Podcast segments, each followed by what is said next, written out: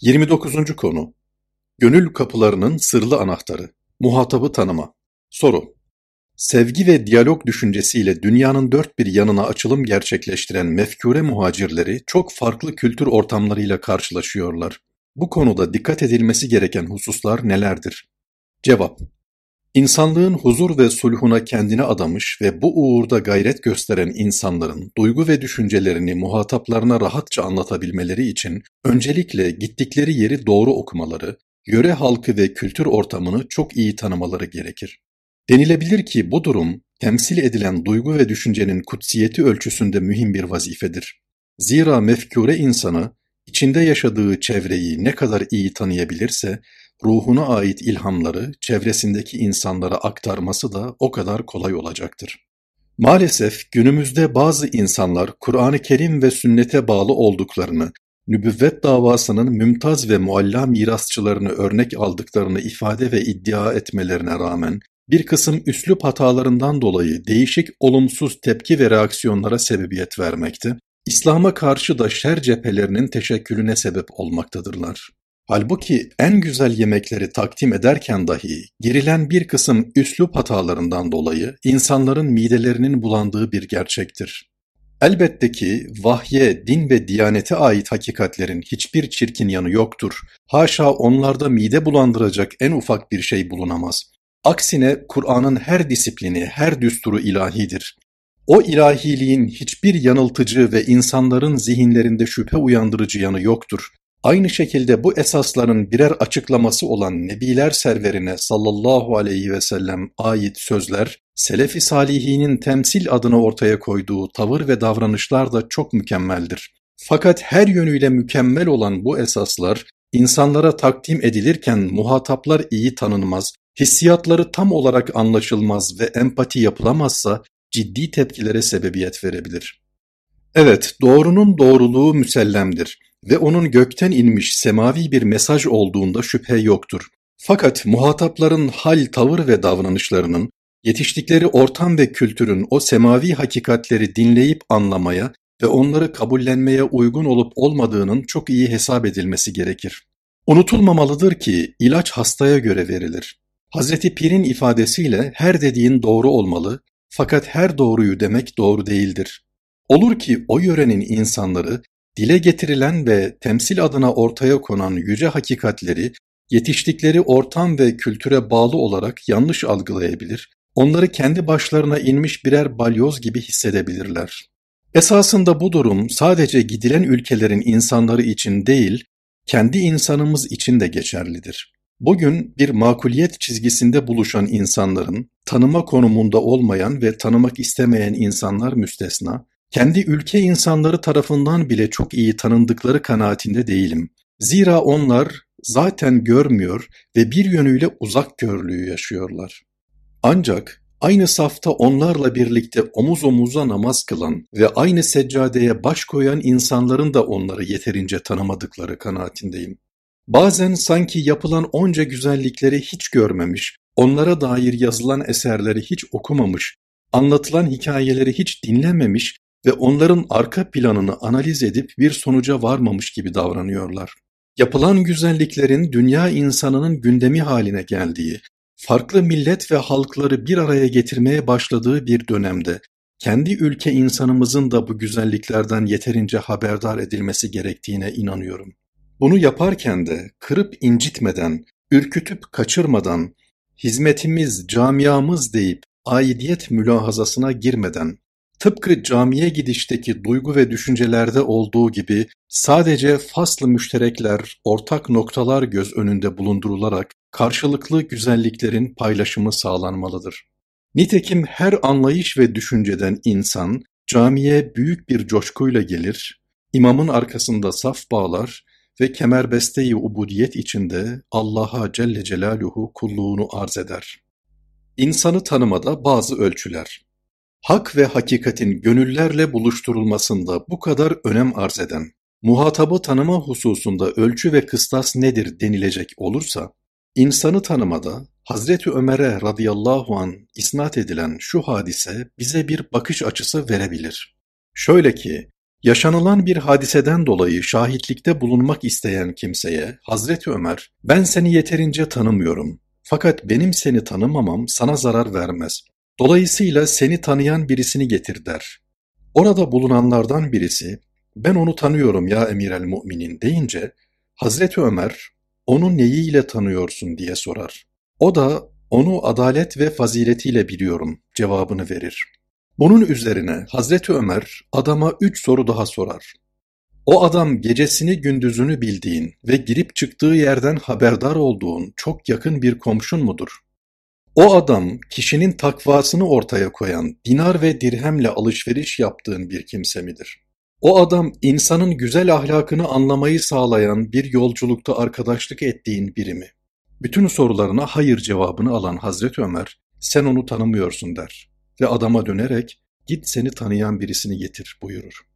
Bu hadiseden de anlaşılacağı üzere birinci olarak bir insanı tanıdığını söyleyebilmek için evvela onun gündüzleri ne işle meşgul olduğunu, gecelerini nasıl değerlendirdiğini, her gün yaptığı işlerin muhasebesi adına nasıl yanıp tutuştuğunu, hayaline gelip bulaşan ve hakikatte öyle olmasa bile onun olumsuz saydığı şeyler karşısında dahi bin kez estağfirullah deyip inlediğini bilebilecek kadar beraber bulunmak lazımdır.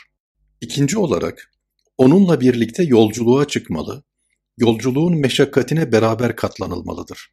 Bir mefkure uğruna dünyanın çeşitli yerlerine birlikte seyahat etme ve haccın zorluklarına birlikte göğüs germe de bu çerçeve içinde değerlendirilebilir. Zira insanların ne kadar halim selim davranabildikleri ya da zorluklara dayanamayıp öfkeye kapıldıkları, muvazenelerini kaybedip bir kısım depresyonlara girdikleri veya metanetlerini korudukları ancak böylesi yolculuklarda ortaya çıkabilir. Aksi halde söz konusu meşakkatlere birlikte göğüs germeden o insanların yeterince tanındığı söylenemez. Üçüncü olarak alışveriştir ki insanlar kılı kırk yararcasına ihkakı hak etmeye matuf müsbet veya menfi düşüncelerini ancak ticarette gösterebilirler. Dolayısıyla insanlarla bu anlamda bir ticaret yapılmamışsa onların bu husustaki hassasiyetleri bilinmiyor ve yeterince tanınmıyorlar demektir. Bir insanı tanıma adına burada sayılanlara ilave olarak hapishane gibi kapalı alanlarda hayatı paylaşma hususu da zikredilebilir. Zira insanların küçücük meselelerde dahi nasıl birbirleriyle tartıştıkları, en akıllı ve ağırbaşlı insanların bile yapılan muameleler karşısında nasıl depresyonlara girip adeta felç geçirdiklerinin açıkça görülebileceği yerlerden birisi hapishane ortamıdır. Bunu o ortamı yaşama tecrübesi olanlar iyi bilir. Dolayısıyla böyle bir ortamı paylaşmadan insanları yeterince tanımak mümkün değildir. Söz konusu kriterler olmadan insanlar hakkında biz onları tanıyoruz, iyi insanlardır türünden sözler en hafif ifadesiyle hilafi vaki beyandır. Çünkü insanları tanımak ve onlarla ilgili bir hüküm verebilmek mücerret sözden ziyade ancak yukarıda sayılan disiplinler çerçevesinde mümkün olacaktır. Dolayısıyla bu prensiplere riayet edildiğinde onlara karşı nasıl davranılacağı, hangi lalü güher sözlerin onları reaksiyona sevk edip etmeyeceği, hangi tavır ve davranışların onların duygularını okşayacağı bilinebilir. Aksi halde insanların önüne adeta semavi sofralar kurarken bile hiç farkına varılmadan onlar nefret ettirilmiş ve o değerlere karşı antipati uyarılmış olabilir. Azami gayret ve merdiven basamakları Dine ait esasları hayata hayat kılma noktasında tıpkı Nebiler serverine sallallahu aleyhi ve sellem فَاسْتَعْ بِمَا تُؤْمَرْ Artık sana emrolunanı başlarını çatlatırcasına anlat ayetiyle emir buyurulduğu ve onun da bu emri yerine getirmek için gecesiyle gündüzüyle ölesiye bir gayret sarf ettiği gibi fedakarane bir gayret sergilenmelidir. Ancak o hakikatler başkalarına anlatılırken Kur'an'ın indirilişindeki tedriciliğe uygun hareket edilmelidir. Dolayısıyla konuyla alakalı sürekli tefekkür, tedebbür ve tezekkür yörüngeli belirli disiplinler geliştirilerek neyin, kime, nerede, ne kadar, nasıl söyleneceği iyi belirlenmeli ve ona göre hareket edilmelidir.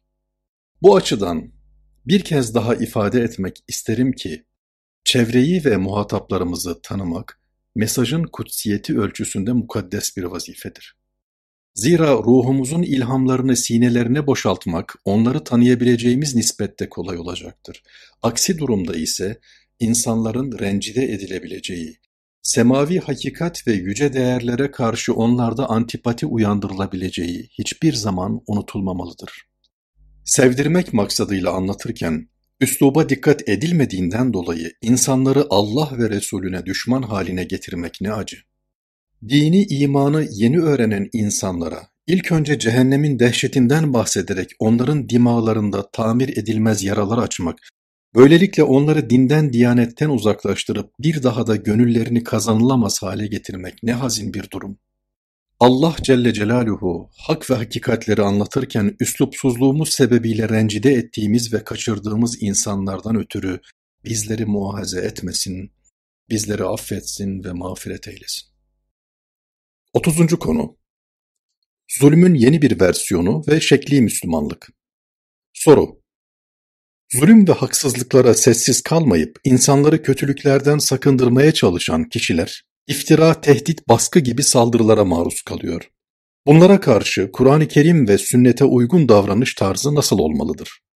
Cevap Cenab-ı Hak Kuntum hayra ummetin uhricet linnâsi te'murûne bil ma'rufi ve tenhevne anil munkeri ve tu'minûne billahi siz insanlar için ortaya çıkarılan, doğruluğu emreden, fenalıktan alıkoyan, Allah'a inanan hayırlı bir ümmetsiniz ayetiyle insanlar içerisinde çıkarılmış en hayırlı ümmetin ümmeti Muhammed olduğunu beyan buyurmuştur.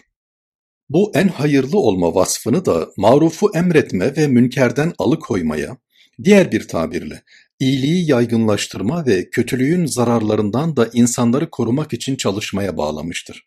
Bu açıdan mümin, melekleri bile imrendirecek örnek bir nesil oluşturmak için bir taraftan marufu emrederek insanların iyilik ve güzelliklerle serfiraz olmalarını sağlamalı, diğer yandan da Allah'ın Celle Celaluhu, Resulullah'ın sallallahu aleyhi ve sellem, aklı selimin ve tabiatı beşeriyenin çirkin gördüğü şeylerden insanları alıkoyma gayreti içinde olmalıdır. Hissettirmeden iyilik. Kötülüklerden sakındırma işinin çerçevesinin çok iyi ortaya konulması ve sınırlarının da çok iyi belirlenmesi gerekir. Öncelikle kötülüklerden sakındırmada tavrın şahsa değil, o şahısta bulunan kötü sıfatlara yönelik olduğu unutulmamalıdır. Farklı bir ifadeyle kötü sıfatların her biri insanlara bulaşmış birer virüs gibidir.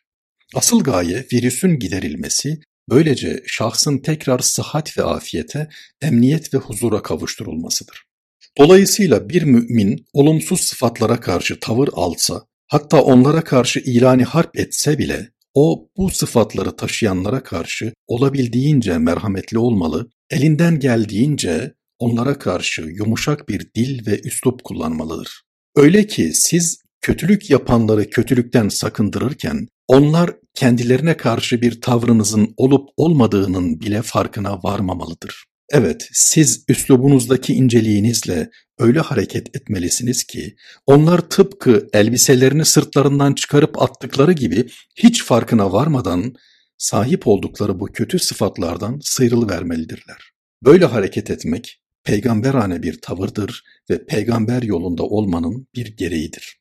Olumsuz tavır ve davranışlara karşı siz de farklı bir olumsuzlukla mukabelede bulunursanız olumsuzlukları önleme bir yana onları daha da katlamış olursunuz. Özellikle insanlara sürekli menfiliğin pompalandığı ve bunun etkisiyle onların da pek çok menfi tavır ve davranışın içine girdiği günümüzde bu mesele daha bir önem arz etmektedir. O halde siz Hazreti Mevlana'nın yaklaşımıyla ifade edecek olursak, şefkat ve merhamette herkesin başını okşayan güneş gibi, Tevazu ve alçak gönüllülükte ayaklar altındaki toprak gibi, cömertlik ve yardımda yeşilliklere hizmet eden yağmur gibi, başkalarına faydalı olmada gölgelerinde başkalarını yararlandıran ağaçlar gibi, ayıpları örtmede her şeyi görünmez kılan gece gibi, hiddet ve asabiyette hareketsiz duran ölü gibi, hoşgörüde uçsuz bucaksız deniz gibi olmalısınız. Hususiyle aynı kıbleye yöneldiğiniz, aynı yere secde ettiğiniz halde şeytanın dürtüleri veya nefsi emmarenin yönlendirmesiyle bir kısım hata ve yanlışlıklara sapan ve sizden uzaklaşan insanlar karşısında aynı tavrınızı korumalısınız. Onlar sizden uzaklaşsa da siz yerinizde durmasını bilmelisiniz. Çünkü onlar sizden 10 kilometre uzaklaştığında siz de 10 kilometre uzaklaşırsanız aradaki uzaklığı 20 kilometreye çıkarmış olursunuz. Fakat siz olduğunuz yerde durursanız aradaki uzaklığı yarıya indirirsiniz. Bu uzaklaşma da onlara ait bir hata olur. Şayet onlar bir gün pişman olur ve dönüp gelmek isterlerse o zaman çok zahmet çekmez, işledikleri hataları değişik diyalektik ve demagojilerle telafi etme gayreti içine girmezler. Fitneyi büyütmek iş değil, önemli olan fetanet kalkanıyla ona karşı çıkmak ve Allah'ın izniyle onu bitirmektir. İzzet ve haysiyet duygusuyla imtihan. Bazıları bu tür insanlara karşı tavır almayı şeref, haysiyet ve izzetlerini korumanın bir gereği sayabilirler. Fakat şeref ve haysiyetini adeta başında bir taç gibi taşıyan ve bu konuda zirveyi temsil eden insanlığın iftihar tablosu sallallahu aleyhi ve sellem, daha sonra elde edeceği kazanımları düşünerek yeri geldiğinde kritik bazı noktalarda bir adım geriye çekilmiştir. Böylece yeri geldiğinde geri çekilmenin Müslümanca bir strateji olduğunu bize göstermiştir. Mesela o sallallahu aleyhi ve sellem Medine'de bulunan ashabını umreye götürmek üzere yola çıkarmış, onlarla birlikte atın ve devenin sırtında yaklaşık 400 kilometrelik yol kat etmişti. Fakat Mekke'ye 60-70 kilometrelik bir mesafe kaldığında karşılarına Mekkeli müşrikler çıkarak onları Mekke'ye girmekten men etmişlerdi. O gün itibarıyla henüz gözü hakikate açılmayan fakat askeri dehası herkesçe müsellem bulunan Halid İbni Velid, emri altındaki askeri birlikle Müslümanları kuşatmıştı. Buna karşılık insanlığın iftihar tablosu ses çıkarmamıştı. Halbuki orada sahabe efendilerimiz onun bir işaretiyle ölesiye bir mücadelenin hakkını verir, Allah'ın izniyle Halid İbni Velid'i de Amr İbnül As'ı da aşar ve Kabe'ye girerlerdi. Kendi haysiyet ve şerefinin yanında arkasına aldığı insanların şeref ve haysiyetlerini de kendisine emanet kabul eden Allah Resulü sallallahu aleyhi ve sellem, ashabına söz vermiş olmasına ve onların da hissiyatlarını bilmesine rağmen, Müslümanların o sene Mekke'yi ziyaret etmeksizin döneceklerine dair anlaşma maddesini kabul etmişti. Anlaşma yapıldıktan sonra umre vazifesini yerine getirmeden ashabıyla beraber Medine'ye dönmüştü. Aynı şekilde o sallallahu aleyhi ve sellem anlaşma metninin başına yazılan Allah Resulü ifadesini müşriklerin itirazları üzerine sildirtmişti. Keza Efendimiz sallallahu aleyhi ve sellem Hudeybiye'de zahiren Müslümanların aleyhinde gibi görünen Mekke'den Medine'ye gitmek isteyen olursa kabul edilmeyecek, aksine Mekke'ye dönen kimselere de engel olunmayacak ve benzeri anlaşma maddelerini de kabul etmişti. Hatta anlaşma esnasında Ebu Cendel Hazretleri gibi Mekke'de işkence gören bazı Müslümanlar kaçarak Allah Resulüne sallallahu aleyhi ve sellem sığınmış fakat müşriklerin diretmeleri üzerine Efendimiz sallallahu aleyhi ve sellem istemeyerek de olsa onları iade etmişti. Bütün bu hadiseler bir yönüyle onurun itibarın bittiği bir noktadır. Yaşananlar karşısında sahabe efendilerimizin çektiği ıstırap ve acıların tamamını vicdanında yaşayan insanlığın iftihar tablosu sallallahu aleyhi ve sellem bütün bu olup bitenleri sineye çekmişti. Bir yönüyle bakıldığında bunlar geri adım atma olarak değerlendirilebilir. Fakat aynı zamanda bunların her birisi metafizik gerilime geçme ve daha sonra ileriye adım atma adına çok önemli birer hamledir. Nitekim buradaki geriye bir adım atma, daha sonra Kabe'nin fethinin zemin ve şartlarını oluşturmuş ve konjonktürü öyle müsait bir hale getirmiştir ki, Müslümanlar oluşan bu atmosferde rahatça Mekke'nin fethini gerçekleştirmişlerdi. Aktif sabır ve inayet tecellilerinin eseceği an. Günümüze gelince bizim de onurumuza dokunulabilir, gururumuz kırılabilir ve rencide edilebiliriz. Yaptığımız en makul ve güzel işlere bile karşı çıkılarak bunların şeytani işler olduğu ithamına varacak kadar kin, nefret ve hasede maruz kalabiliriz. Belli bir dönemde size Dini duygu ve düşünceye tahammül edemeyenler taarruz ediyor, iğneden ipliğe her şeyinizi tetkik ediyor ve mercek altına alıyorlardı. Aradan yıllar geçti ama değişen çok fazla bir şey olmadı. İnanmayan insanlardan sonra onların yerine Araf'takiler geldi ve bu zulmü devam ettirdiler. Onlar da gittikten sonra bu sefer belli güç ve imkanları eline geçiren bir kısım Müslümanlar geldi. Onlar da bir zamanlar dindarlığınızdan dolayı size zulmedenlerin yaptığını reva görmeye başladılar. Anadolu insanının binbir emek ve gözyaşıyla açılmasına vesile olduğu üniversiteye hazırlık kurslarına, yurtlara ve okullara hiç kimseye yapmadıkları şekilde garazkar bir üslupla tavır aldılar. Bir açık bulabilir miyiz diye bazı insanları o eğitim yuvalarının üzerine saldılar. Zira hazımsızlık ve haset bazen insana kafirin yapmadığı kötülükleri yaptırır. Fakat biz bütün bu kötülükler karşısında hiç sarsılmamalı, onurum, gururum dememeli, bilakis Cenab-ı Hakk'ın bazı hikmetlerden ötürü kötülüklere izin verdiğini ve eğer izin vermese hiç kimsenin zarar veremeyeceğini mülahazaya almalı. Hikmetine ve rahmetine itimat içinde ona yönelmeli. Gelse celalinden cefa, yahut cemalinden vefa, ikisi de cana safa, lütfunda hoş, kahrında hoş demeli.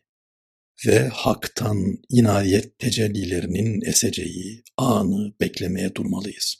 Zulüm ve haksızlıklar din düşmanlarından da gelse, Araf'takilerden de gelse, hasete yenik müminlerden ya da şeklen Müslüman gözüken ve alnını yere koyan kimselerden de gelse, biz bu konudaki duygu, düşünce ve temel prensiplerimizden katiyen fedakarlıkta bulunmamalıyız. Bağrımız her zaman herkese açık olmalı. Herkese sevgi buketleri göndermesini bilmeliyiz. Bize ok atanlara karşı oklarımızın ucuna birer gül takmalı, onların dünyalarına güller yağdırmalıyız. Onlar ister bunu anlasın, ister anlamasınlar. Biz usul ve üslup adına Kur'an ve sünnetten ne anlıyorsak son nefesimizi verinceye dek ona sadık kalmaya devam etmeliyiz.